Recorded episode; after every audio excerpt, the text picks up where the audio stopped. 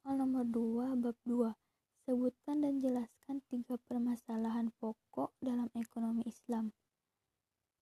Yang pertama, komoditas apa yang dibutuhkan untuk mewujudkan maslahat. Maslahat adalah setiap keadaan yang membawa manusia pada derajat lebih tinggi di mana maslahat akan memilih dari alternatif yang ada tentang komoditas barang atau jasa apa yang diperlukan sehingga maslahat-maslahat akan terwujud. Yang kedua, bagaimana cara menghasilkan komoditas agar maslahat tercapai.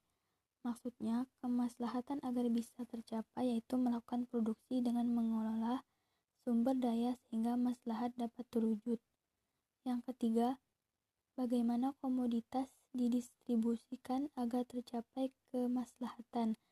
Dalam distribusi komoditi yang sesuai Islam, adalah keadilan dan menolong di mana sumber daya serta barang atau jasa didistribusikan kepada individu secara adil sehingga setiap individu merasakan kemaslahatan dari komoditas yang diproduksi.